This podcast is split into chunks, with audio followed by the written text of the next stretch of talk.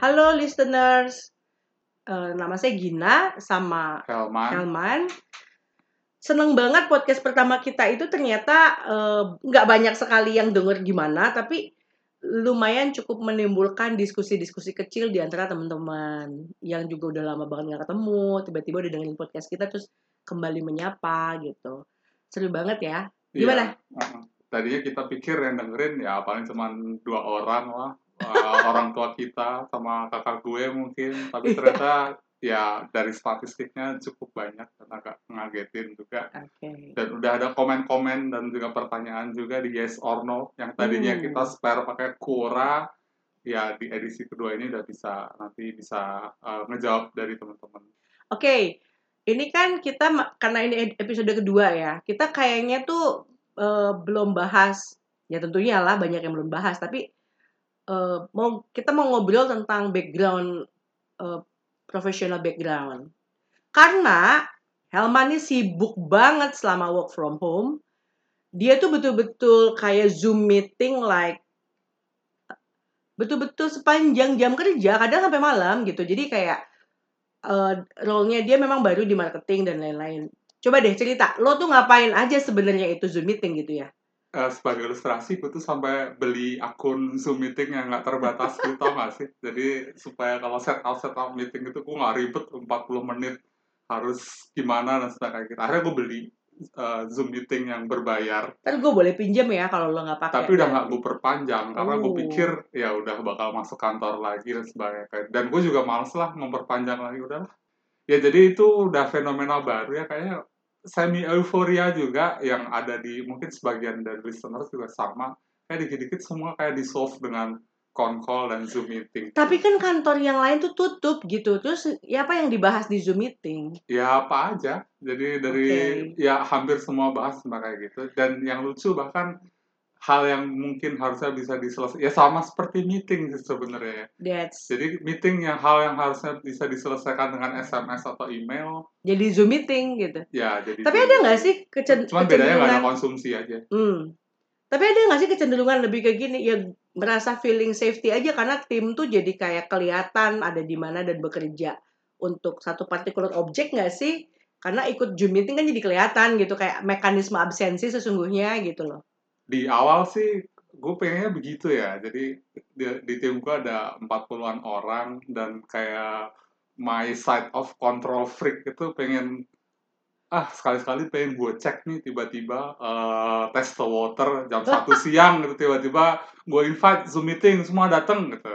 Jadi kalau yang nggak siap atau nggak apa kayak gitu bisa gue cuma lama-lama ya setelah tiga bulan work from home ya Tapi males output pekerjaannya gimana? So, So far, far. sih ya eh, output productivity kalau di tempat gue sih masih oke karena ya yang bekerja dari rumah ini juga aware bahwa mereka harus tetap produktif tapi ya output by result kan itu nggak cuma dari produktivitas dari productivity kita ya tapi ada aspek lain dari eh, ekonomi makronya gimana klien serapan dari klien seperti apa sebagainya gitu. Jadi ini lucu banget nih uh, listeners. Helman itu dulunya tim production, jadi banyak banget graphic designer, back end lah ya support. Terus dia uh, beberapa couple of years ya kayaknya ya, mulai jalan ke marketing di saat uh, gue mulai lari uh, dari uh, background gue tuh dari sales, golongan darah gue tuh S gitu ya, jadi sales banget. Tiba-tiba dalam a couple of years juga gue tuh mengambil role sebagai entrepreneur which karena gue itu berbasis in- eh, berbasis production gue banyak banget ngurusin produksi jadinya. Jadi kita kayak bertukar tempat gitu. Dia jadi ngurusin penjualan gue jadi ngurusin produksi. Jadi itu yang kadang seru banget sih. Kita kayak eh, banyak banget berdiskusi mengenai hal itu gitu. Tapi yang paling menarik menurut lo apa sih yang eh ya kalau yang berbeda kita udah pasti banyak banget. Tapi gini apa sih yang lo jadinya mengerti posisi gue dulu itu dengan kondisi lo saat ini Gue tuh ngeliat lu tuh sales yang very capable asik untuk jualan ya. Sebagai personality tuh kita bertolak belakang. Tadi gue tuh introvert banget, Hmm. eh, Gina tuh extrovert banget. Jadi dia emang born to be sales. Jadi sebenarnya gue di marketing ini pas ya setahun ini gitu, bulan ini kayak gitu. Dan terjun ke marketing agak kayak dijorokin di kolam renang gue nggak tahu apa apa dan sebagainya kayak gitu modalnya tapi ya learning by doing juga dan ya to be honest banyak look up juga dari pengalaman lu dulu handling Klien sales ya. gitu Karena kita Meskipun- kebetulan industrinya itu yang bisnis to bisnis banget ya. Ya, mirip sih. Jadi bisnis conduct seperti apa dan sebagainya gitu. Meskipun ya lebih banyak ke ke aspek gue untuk memahami dari eh, user gue gitu. Kalau Hmm. jadi kalau di kantor itu di kita sales sama marketing dipisah, jadi gue serving ke sales. Jadi Iya benar. ya gue melihat dari sales seperti apa dan sebagainya kayak gitu ya gue banyak look up to lu kalau gue serving lu dan sebagainya kayak gitu. Tapi ya memang kayak pekerjaan kita memang selalu nggak nggak Nggak line ya. Ya nggak align. Hmm. Artinya kita ada di end to end gitu. Misalnya Iya. gue di marketing, lo di sales, dan sekarang lo di production, gue di marketing. Tapi itu bagus juga sih. Karena kita kalau kerja bareng ya banyakkan berantemnya juga daripada Asli. daripada banget ini. banget. Karena Helman itu orang yang sangat tidak suka deadline dan gue tuh deadline freak. Nih jadi gue waktu gue bikin bisnis karena gue tadi lu bilang juga ya I'm a very competent salesperson ada dong perasaan kayak gue pasti berhasil deh kalau gue bisnis gitu ya kan. Eh itu tuh kayak mulai pudar di dua minggu pertama gue resign karena ternyata shit banyak banget yang harus dikerjakan aspek yang harus dikerjakan. Dan gue baru sadar uh, missing point di dalam organisasi yang gue pimpin termasuk di dalam diri gue itu gue nggak ngerti marketing. Jadi kayak baru setahun kemarin itu betul-betul beresin operasional tahun ini mulai nih beresin branding sama marketing. Jadi gue tuh baru banget nih pap bikin satu posting yang likes-nya secara organik itu 200-an padahal nggak banyak ya yang like 200 tapi buat gue dengan brand My Little Brand itu kayak yay akhirnya gue bikin sesuatu yang orang-orang suka loh gitu loh. Even ada beberapa selebriti juga yang nge-like gitu. Selebriti yang uh, ad- admirable celebrity tentunya ya. Jadi kayak oh orang-orang tuh suka ya konten-konten kayak gini. Ternyata gue terlalu rumit selama ini gitu. Ternyata itu bener-bener seru sih gitu. Jadi eh, yang menarik tuh Gina setup eh, brand mungkin beberapa udah pada tahu namanya Good Vibes. Ini slot iklan ini nantinya kalau podcast kita sukses ya. Tut, ada Gitu ya. ada ininya, adlibnya. adlibs Eh, semuanya dibikin sendiri eh, dari konsep, dari Produk. ramuan, produk Hmm. dan sebagainya. Dan yang menarik, even desain dan sebagainya, kayaknya juga bikin sendiri. Dan- asli nggak dibantuin padahal suami saya tuh desainer gitu ya Dan tapi dulu sering ditanyain sama teman-teman gue juga, ini lu yang bikinin ya? Kagak, ini istri gue yang bikin. Masa sih pasti lu bantuin? Kagak sama sekali. Jadi eh, ini semua dia otodidak, belajar Corel Draw, belajar apalagi mampu. ya gue very fast learner untungnya Iya. jadi tools toolsnya itu ya sekarang sih gue udah terlalu malas ya juga lu, fotografi lu foto ya. sendiri beli kamera ya gue sih kecipratan enaknya jadi punya kamera yang bagus Corel Draw masih ada di rumah dan Itu tahu gak sih salah satu alasan gue sekarang tuh banyak hire profesional? Karena gue sering kayak gitu tuh. Eh, kayaknya kok foto gue jelek, terus gue beli beli kamera yang mahal gitu, yang dipakai sama lu tentunya sekarang gitu ya. Dan itu tuh nggak terlalu banyak menghasilkan foto-foto juga buat brand gue tau nggak? At the end, so I learning the hard way. Kalau some result itu lu nggak bisa acquire karena lu punya tools. pastinya Nah, pastinya Nah, tapi dari pendapat itu ya, Pap, jadinya tuh gue nggak terlalu picky gitu, nggak terlalu pelit gitu untuk investing in digital asset, untuk investing in strategi marketing. Jadi kayak, oh, enggak kok, emang ini. Jadi gue selalu selalu apa belajar keras untuk bilang eh kalau apa. Jadi lu pastikan uang yang keluar dari kantong lu itu investment gitu Hmm, bukan expenses. Nah, sejak gue bisa memetakan seperti itu dan gue yakin it's a good investment, gue tuh nggak terlalu picky keluar duit yang kayak untuk marketing, untuk ads itu baru mulai tahun bulan ini banget ads Iya. sebelumnya kita nggak pakai tapi kayak ya why not we try it gitu loh termasuk fenomena covid juga kan jadi kayak coba hal-hal baru deh kalau nggak mati berdiri nih gitu. Ada ada ketakutan kayak gitu juga.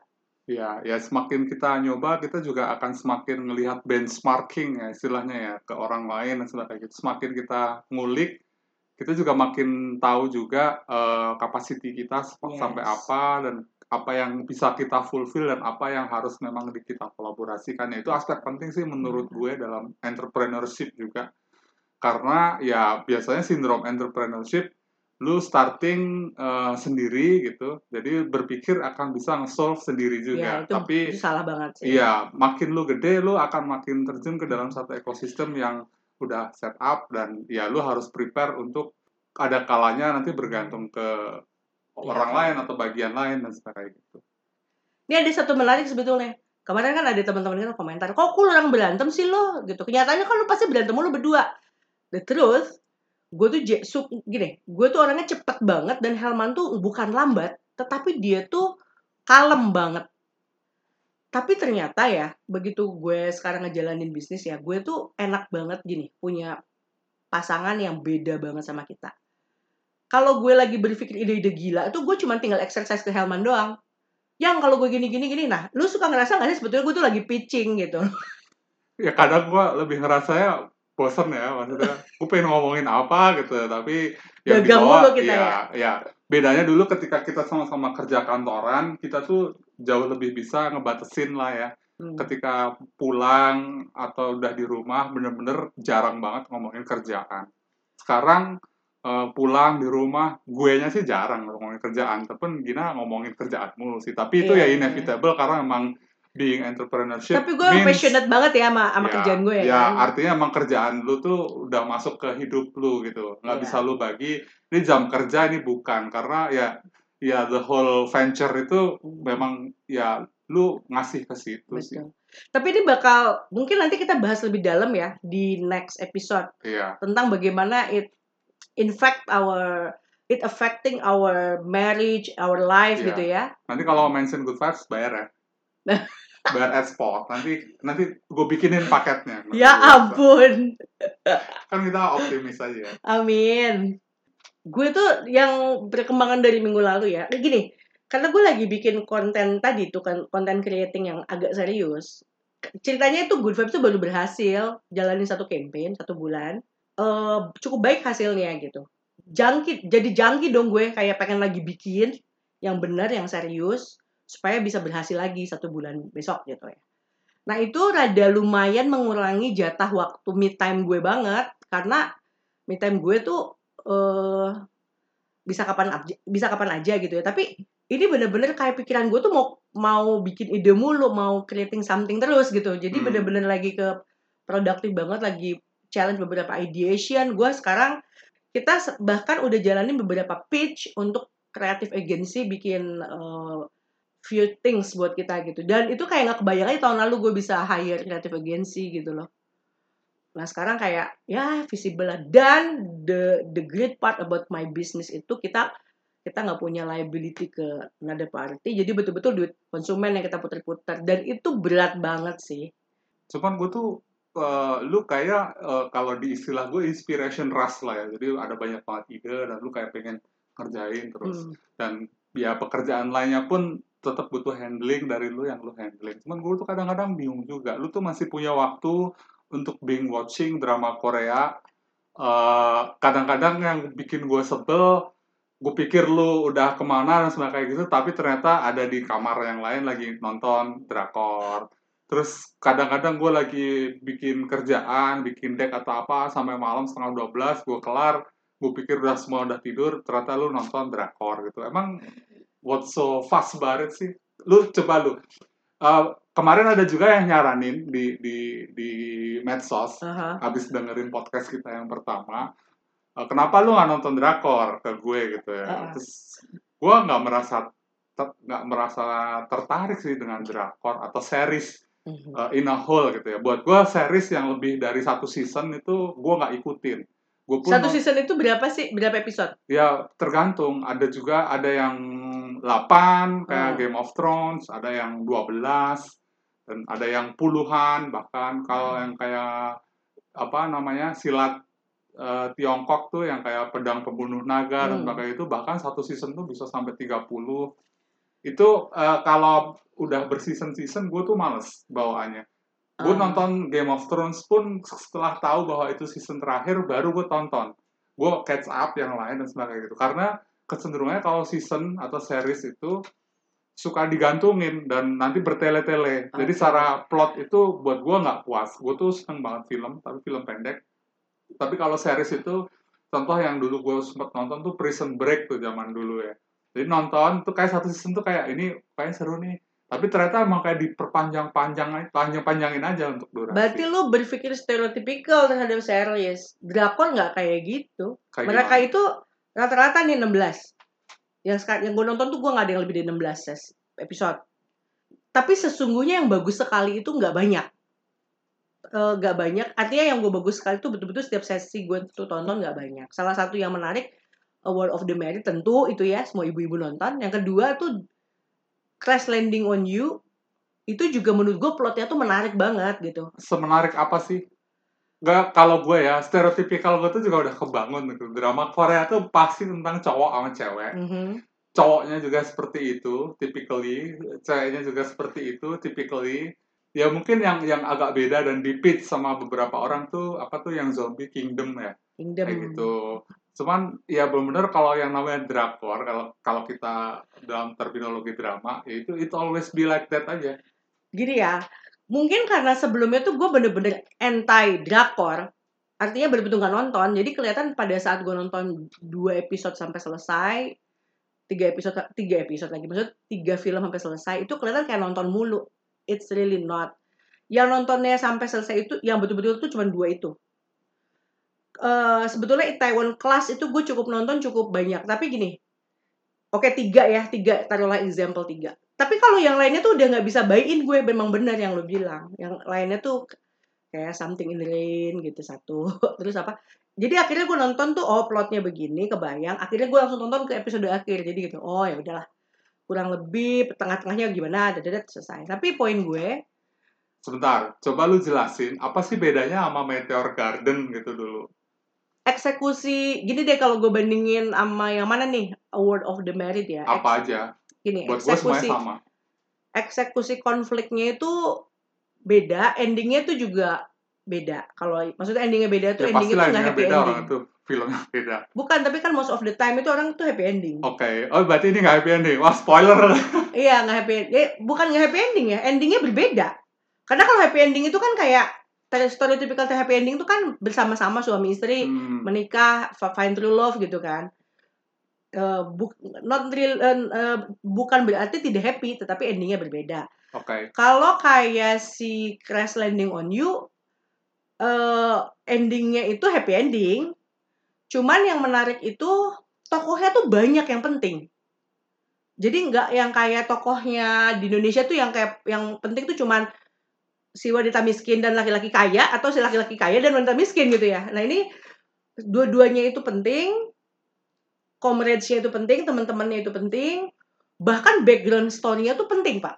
Jadi misalnya dia ada eh, lo mau gue tokoh utama, terus kita di sekeliling kita tuh ada tetangga kanan kiri. Nah si tetangga tangan kanan kirinya tuh dia punya punya peran banget sama plotnya gitu. Terus jadi kayak setiap perannya tuh bisa banget. Ini menurut gue jago sih writernya. Karena kayak setiap peran-peran yang dimunculin itu hampir nggak ada yang yang tidak mempengaruhi, mempengaruhi plot. Itu Crash Landing on You. Kenapa menurut gue tuh bagus banget. Eh, keberhasilan dari story writing menurut gue sangat berpengaruh tuh yang di Crash Landing on You. Karena itu yang tadi gue bilang nggak ada yang nggak penting. Semua orang bahkan kayak cuma nongol berapa detik pun eh berapa detik literally gitu ya si bocah anak kecil gitu misalnya berapa kali doang berapa detik berapa kali ternyata dia bisa mempengaruhi plot di ujung gitu misalnya itu menurut gue sih kekuatan kekuatan apa synapse ceritanya itu bagus berapa episode si Crash 16 Landing? 16 16. 16. Tapi satu season aja. Satu season aja dia Satu season aja. Oh, drama Korea tuh satu season satu season doang. satu season satu season doang Oke. Nah, Terus apa apa lagi selain Crash Landing on yang lebih pendek ada nggak yang misalnya 7 episode, 8 Enggak sih. episode? gue belum nemu ya mungkin ada tapi gue belum nemu Rata-rata berarti 16-an Nah. sebenarnya gitu. Kalau Itaewon Class itu menurut gue ya kalau kita in our early 20s nonton Itaewon Class itu mungkin lu nggak akan mau kerja. Itu ini gak sih ada ngaruhnya kayak generasi lu karena rata-rata yang demen drakor ini kan ya seangkatan kita atau zaman eh, apa namanya yang dulu pada saat kecil atau ABG-nya tuh mungkin pada baca Candy Candy, Topeng Kaca dan cerita-cerita melankolis gitu gak sih? Drama Korea yang gue nonton ya, yang gue kurit itu eh, gue ngelihat detailnya tuh bagus-bagus. Coba kasih gua perumpamaan satu eh, film deh atau series Hmm. yang buat eh, cowok appealing, buat cewek appealing. Oke, mungkin lo harus coba dari Itaewon Class.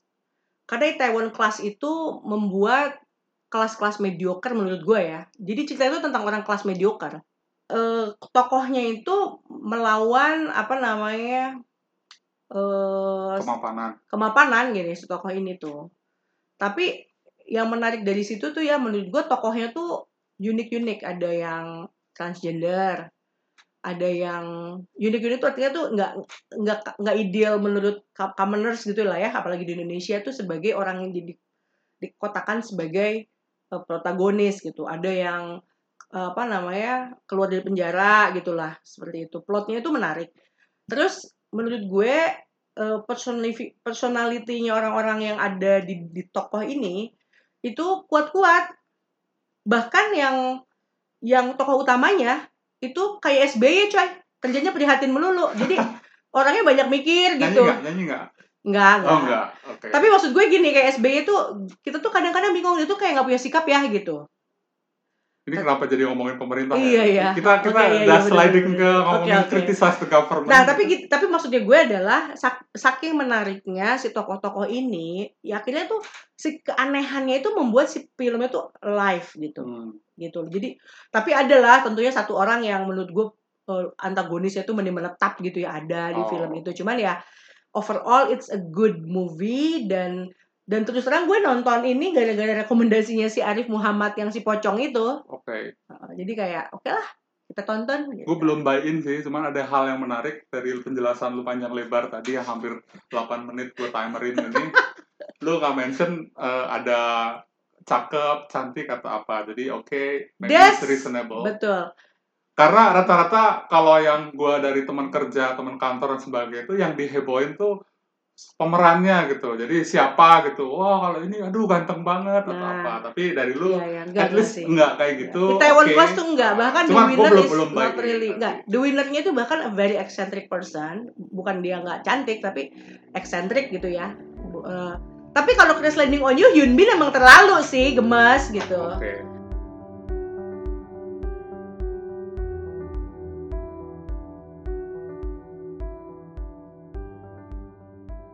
Halo listener, eh, Balik ba- balik lagi. lagi nih ke sesi kedua di obrolan hari ini, di obrolan di season kita yang kedua, Episode episode season ya. pertama. Iya. Oh iya, oke. Episode kedua season pertama. Kalau sama Helman tuh istilah mesti tepat, guys. Eh, kita mau bahas tentang eh, mu- apa music, Buku, musik buku dan, dan, film. film ya. Iya. Oke. Kalau eh, episode lalu kan kita ngomongin dari Gina, kita dua-duanya ngomongin buku non fiksi ya. Dari Gina ngomongin bukunya Seth Godin, dari eh, gue non- ngomongin buku Perang Padri gitu. Hmm. Terus lu udah baca lagi nggak minggu ini? Belum. Gue belum baca lagi minggu ini yang satu buku selesai gitu ya. Ya karena Hmm. tadi gue lagi banyak banget eksplorasi di grafik, eh, banyak baca banget tips-tips content making di banyak tempat dan gue lagi rajin buka Facebook business. Ya lagi banyak banget yang gue explore, that doesn't mean gue nggak baca things gitu, tapi in particular gue nggak, karena gue udah udah punya salah satu keanehan gara-gara udah dibeliin itu juga apa Kindle.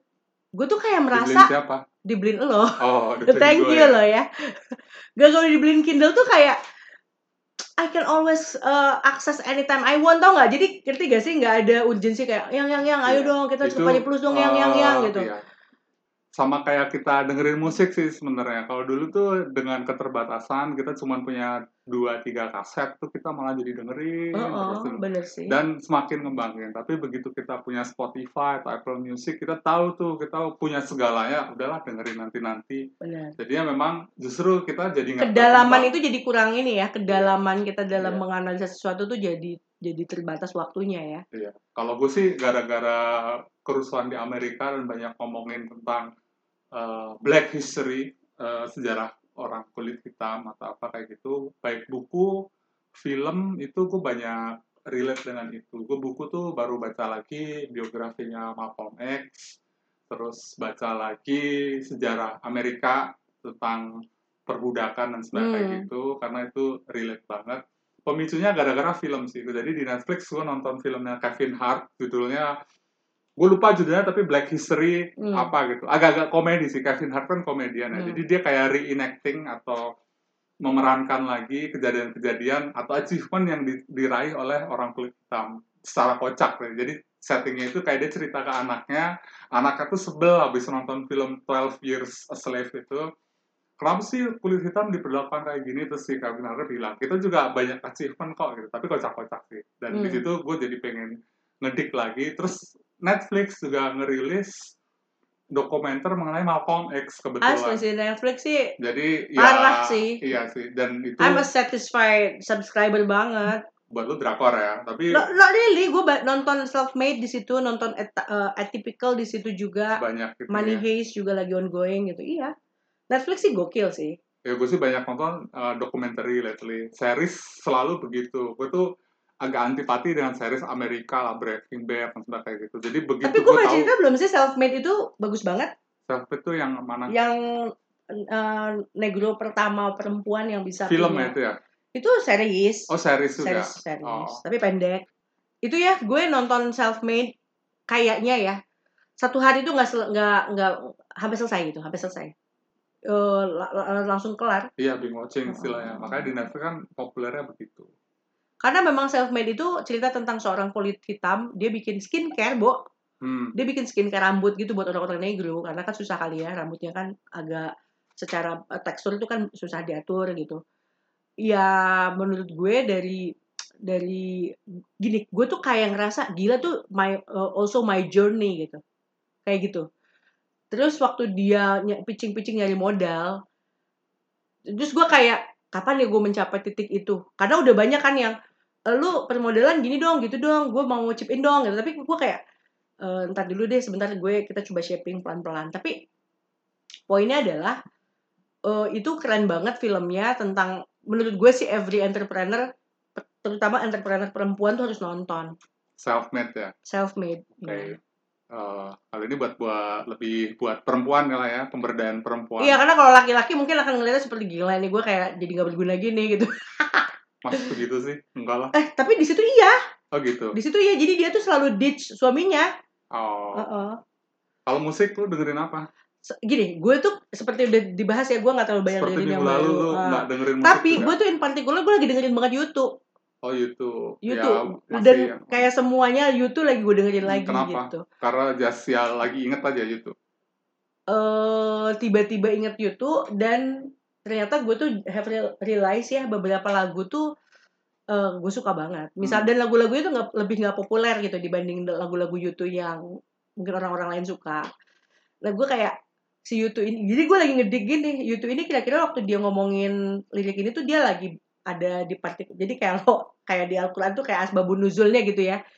Asbab nuzulnya dia bikin lagu ini tuh kenapa tuh lagi gue dik juga tau nggak? hmm. Jadi ternyata si YouTube tuh ada bikin lagu kayak untuk Aung Aung San Suu Kyi, kayak gitu yang nggak cuman yang walk on, itu kan yang yang populernya ya. Tapi ada lagi yang bukan itu. Tapi gue nama judulnya lupa, cuman I can really tell it gitu kalau lagunya lagi berputar. Gitu maksudnya dia ternyata cukup aware sama movements gitu si YouTube ini. kalau gue tuh lagi denger eh, dalam konteks lebaran dan gue nggak bisa mudik dan inget kampung Iya, udah halaman melo banget ya kita ya. ya entah kenapa yang mengingatkan ke kampung halaman tuh ada satu lagu dari The Offspring judulnya The Kids Aren't Alright Oh, oke. Eh, anak-anak tuh nggak baik-baik aja. Kayaknya itu spoof dari lagu The Who tuh ada judulnya The Kids Are Alright. Jadi di album dari album Americana tahun 97 apa 98 lah Itu zaman gua sama apa itu bukan sih? Sama Pretty. Fly. Bukan Camel Bukan, Cameron itu kan sebelumnya sama Pretty Fly. Oke. Nah, eh, yang menarik sih ceritanya tuh tentang eh, kayak si dia dari sudut pandang orang yang kayak kayak merantau keluar dari daerahnya terus pulang terus dia tuh nggak kenalin lagi neighborhoodnya kenapa gitu. Itu kita banget ya. Jadi anak-anaknya tuh eh, teman-temannya dia zaman kecil dan sebagainya gitu tuh ada yang meninggal, ada yang OD, ada yang hamil, Itu ada lo yang banget apa. sih.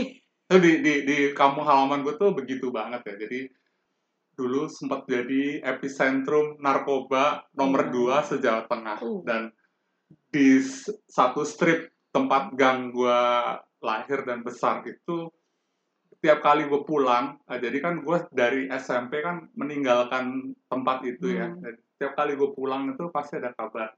Si ini OD, si ini meninggal, si ini di penjara, si ini di apa. Jadi lagu itu buat gue kayak Oke. resonance lagi. Jadi dan dari situ gue jadi dengerin Offspring yang lain dan lucunya anak kita Magi itu tahu beberapa lagu Offspring Oh yang- iya? yang dia denger dari gue nggak tahu dari mana tapi dia ikut nyanyi yang You- uh, You're Gonna Go Far Kid kayak gitu yang yang ada dance fucker dance itu kayak gitu terus juga ngedik lu tau nggak kalau si vokalisnya Offspring Dexter Holland Mhm. itu dia PhD di bidang uh, mikrobiologi Oh ya? terus gara-gara gue baca itu terus ya gue tahu kalau Bad Religion Greg Graffin vokalisnya itu dia juga profesor di bidang Gue suka lupa, banget sih Bad Religion. di nanoscience atau apa. Jadi dia tuh ngajar juga lulusan Cornell Ivy League dan ngajar juga di Cornell dan UCLA musisi punk gitu.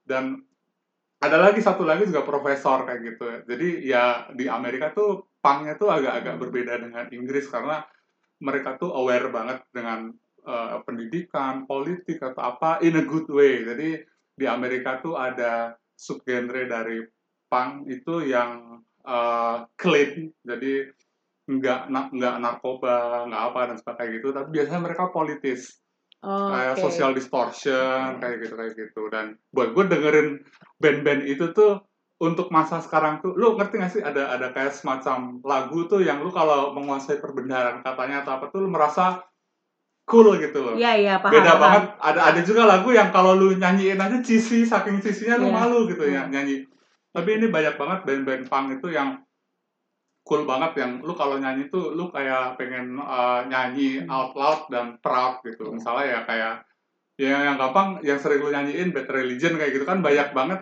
uh, frase-frase yang ini tuh kayak pinter banget sih liriknya Banget. Gue tuh suka banget Bad Religion ya, karena dulu kakak-kakak gue tuh kan dengerinnya Bad Religion gitu. Pokoknya musik-musik sebagai gitu. alumni Bandung lu pastinya kayak gitu pasti Iya. akan suka dengan uh, uh, punk Amerika Tapi in particular kalau religion Hardcore. apa Bad Religion itu gue cuman eh, receive for hit sih, yang hafal banget semuanya ya. Hmm. Karena dulu kan gue mondok gitu loh. Yang dengernya kalau pas pulang doang, yang pas pulang itu gue serap sebesar-besarnya karena Iya. nyampe pondok tuh. Karena kalau lu bawa Bad Religion ke pesantren lu bisa dianggap bid'ah di sana.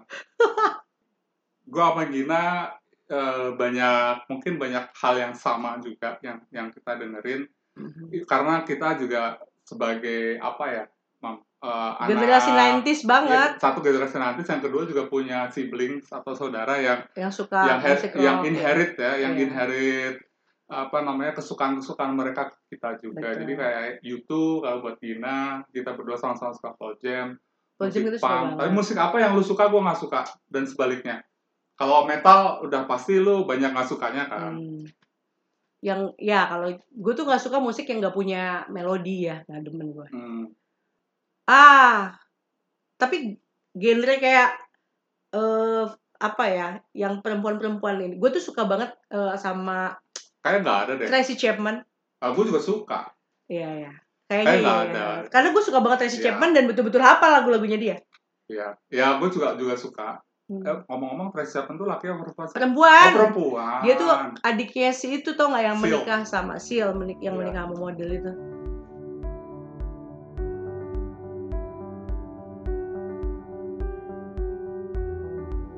pertanyaan dari listeners sebelumnya. Yang pertama, ini dari temen gue dari Keke karena kita ngomongin drakor eh, itu dia suggest gue buat nonton eh, drakor judulnya kalau nggak salah Reply 1988 ada Iya, ya. Ada. Baru Ada. mulai gue itu. Kemarin gue sempet searching di Netflix, oh ada. Terus ada lagi Reply 1994. Iya. Kayaknya itu beda beda setting ya, beda setting tahun dan Nah itu gue nggak belum belum di gue baru mau mulai yang 1988. Nah, buat gue malah gue jadi lebih tertarik 1994 karena gue harus sebagai anak 90-an mungkin lebih relate kayak gitu. Tapi nggak tahu, gue masih masih Tapi bagus sih itu 888 ya, ya, gue masuk ke masih masih episode. belum kebay dari pitch lu mengenai drakor itu. Jadi ya nanti mungkin next Ya referensi gue juga belum banyak belum juga. belum bisa kita komentarin reply 1988 maybe next time. Terus ada lagi yang minta komentarin tentang sepatu lari. Hmm. Eh to be honest, mungkin bisa dicek juga ke Gina, gue nggak punya sepatu lari yang mahal ya. Jadi sepatu lari gue tuh semuanya murah, under Gue 500. ngerti sama, sama statement itu sebetulnya sih.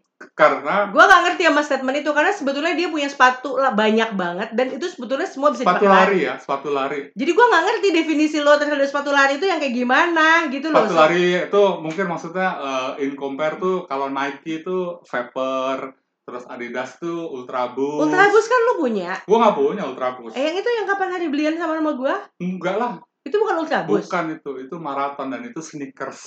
Bukan Which? sepatu lari. Ya bukan sepatu performance. Jadi Oke. karena gua olahraganya tuh uh, daily dan juga intense high intensity bukan buat race atau buat apa jadi gua nggak berpikir untuk beli sepatu yang mahal yang penting bisa gue pakai Tapi tiap hari dan bisa gue abuse tiap hari sih. Maksud gue gini ya, gue tuh kayak mulai gemes gitu karena gue sampai begini. Gue sampai mewajibkan Helman kalau beli sepatu tuh harus beliin gue juga karena it's like every two weeks ada sepatu baru nah ini, awalnya yang gitu. nih Nah, kenapa kita work from home karena dulu kalau gue beli sepatu gue alamatin ke kantor itu Kan gila rese. men. Gue kayak bikinin rak sepatu ya. It's start to be competitive with me gitu karena kayak gue beli sepatu, gue sediakan itu di satu dinding. Kita barisin ada kita 10 baris, satu barisnya bisa nampung 6 sepatu. Terus sekarang kayak udah mulai hampir sama sama sama gue men itunya apa koleksinya terus cuman sedih sekarang eh, beli sepatu beli datang terus bingung mau dipakainya kapan ke mana Iya. jadi Terus dia, terus gue kan beli kemarin kita se- sempat gila-gilaan yang apa? Nggak gila-gilaan yang gimana juga sih ya, tapi cukup banyak beli yang Adidas Three Stripe Days. lu gitu yang kan. beli ya gue Iya, dibeliin gue yang bayar. sebelumnya kan gue beli Betul. juga Cuman maksudnya gue di situ tuh juga gue kesel gitu loh. Demi dia tuh selalu ngomong kalau dia nggak punya sepatu lari yang mahal, dia beli sepatu yang mahal tapi bukan sepatu lari. Jadi kayak gue ini orang tricky banget ya. He always buying something shoes gitu. Tapi selalu tadi tadi sore kejadian lagi, dia ngomong gini kan. Eh, eh, oh iya ya Nike tuh nggak pernah sale loh. Zalora ada sale lagi. Gue udah bad feeling kan. Terus tiba-tiba dia ngomong gini kan.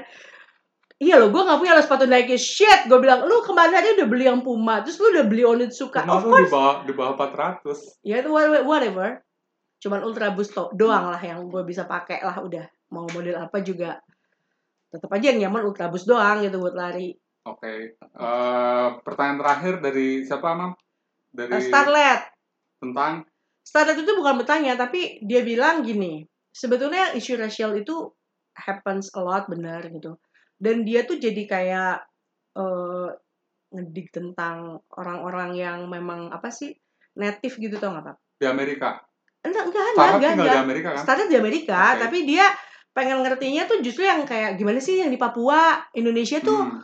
aduh in the good shape apa enggak sih gitu loh. Nah terus gue kayak itu terus terang buat gue seperti tamparan keras gitu. Kenapa? Karena I don't really know. Pernah ya kemarin sekitar bulan November, Oktober akhir, itu karena gue punya temen Wahyu Novian, you know him right? Yang di ACT itu. Terus dia kayak sibuk banget, susah banget dihubungin karena kita waktu itu mau reuni. Terus I have just realize gitu, gara-gara si Starlet ngomong ini, si Wahyu itu lagi menangani kerusuhan di Papua, Mhm. di Wamena, tau nggak? Dan dia tuh ngupdate ke kita gitu ya, sebagai orang yang di sana, di Wamena dia. Dia ngupdate ke kita bahwa fakta banget lah situasi di sana tuh bener-bener fakta banget. Like, situasinya tuh bener-bener tidak aman, orang tuh bisa bisa mati, ditembak di tengah jalan gitu. Terus kita yang di Jawa tuh kayak nggak ngerti gitu. tapi itu kan nggak ada hubungannya dengan rasialisme sebenarnya Betul. Tapi kan gimana mungkin eh, tidak secara langsung, Pap. Tapi as a nation itu kita nggak taking care of them like Ya, itu betul cuman begini ada konteks yang beda mengenai rasisme di luar dengan diskriminasi, kalau Diskriminasi. bilang, di Indonesia orang Indonesia itu seperti yang gue bilang di podcast episode kemarin Hmm. sebetulnya untuk mereka mendefinisikan rasis by race itu nggak terlalu begitu nggak nggak ada kecenderungan satu ras itu merasa lebih superior dibanding ras yang lain. Dalam konteks ini let's say uh, white privilege dengan uh, black lives kayak gitu kalau di Amerika. Karena histori mereka kan dulu orang-orang kulit hitam ini kan budak ya yang dimiliki dan sebagainya gitu. Jadi memang ada per perbedaan secara kasta yang berdasarkan uh, kulit gitu. Hmm, demikian juga dengan Eropa gitu ya. Ya circle of uh, slavery dan sebagainya gitu. Kemudian rasa apa orang-orang rasis dari white nationalist atau apa kayak gitu itu juga based on race kayak gitu.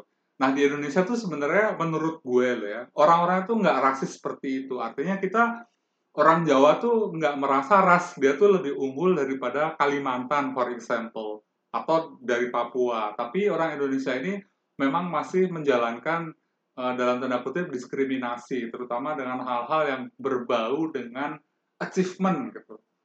Dalam konteks apa? Let's say satu orang, orang per orang itu kalau gue lebih kaya gitu dibanding orang lain, kecenderungan dia akan mendiskriminasi orang yang lebih miskin gampangnya. Kalau gue merasa hmm. lebih berpendidikan kepada orang yang nggak berpendidikan, menurut gue not really nggak terlalu tepat juga.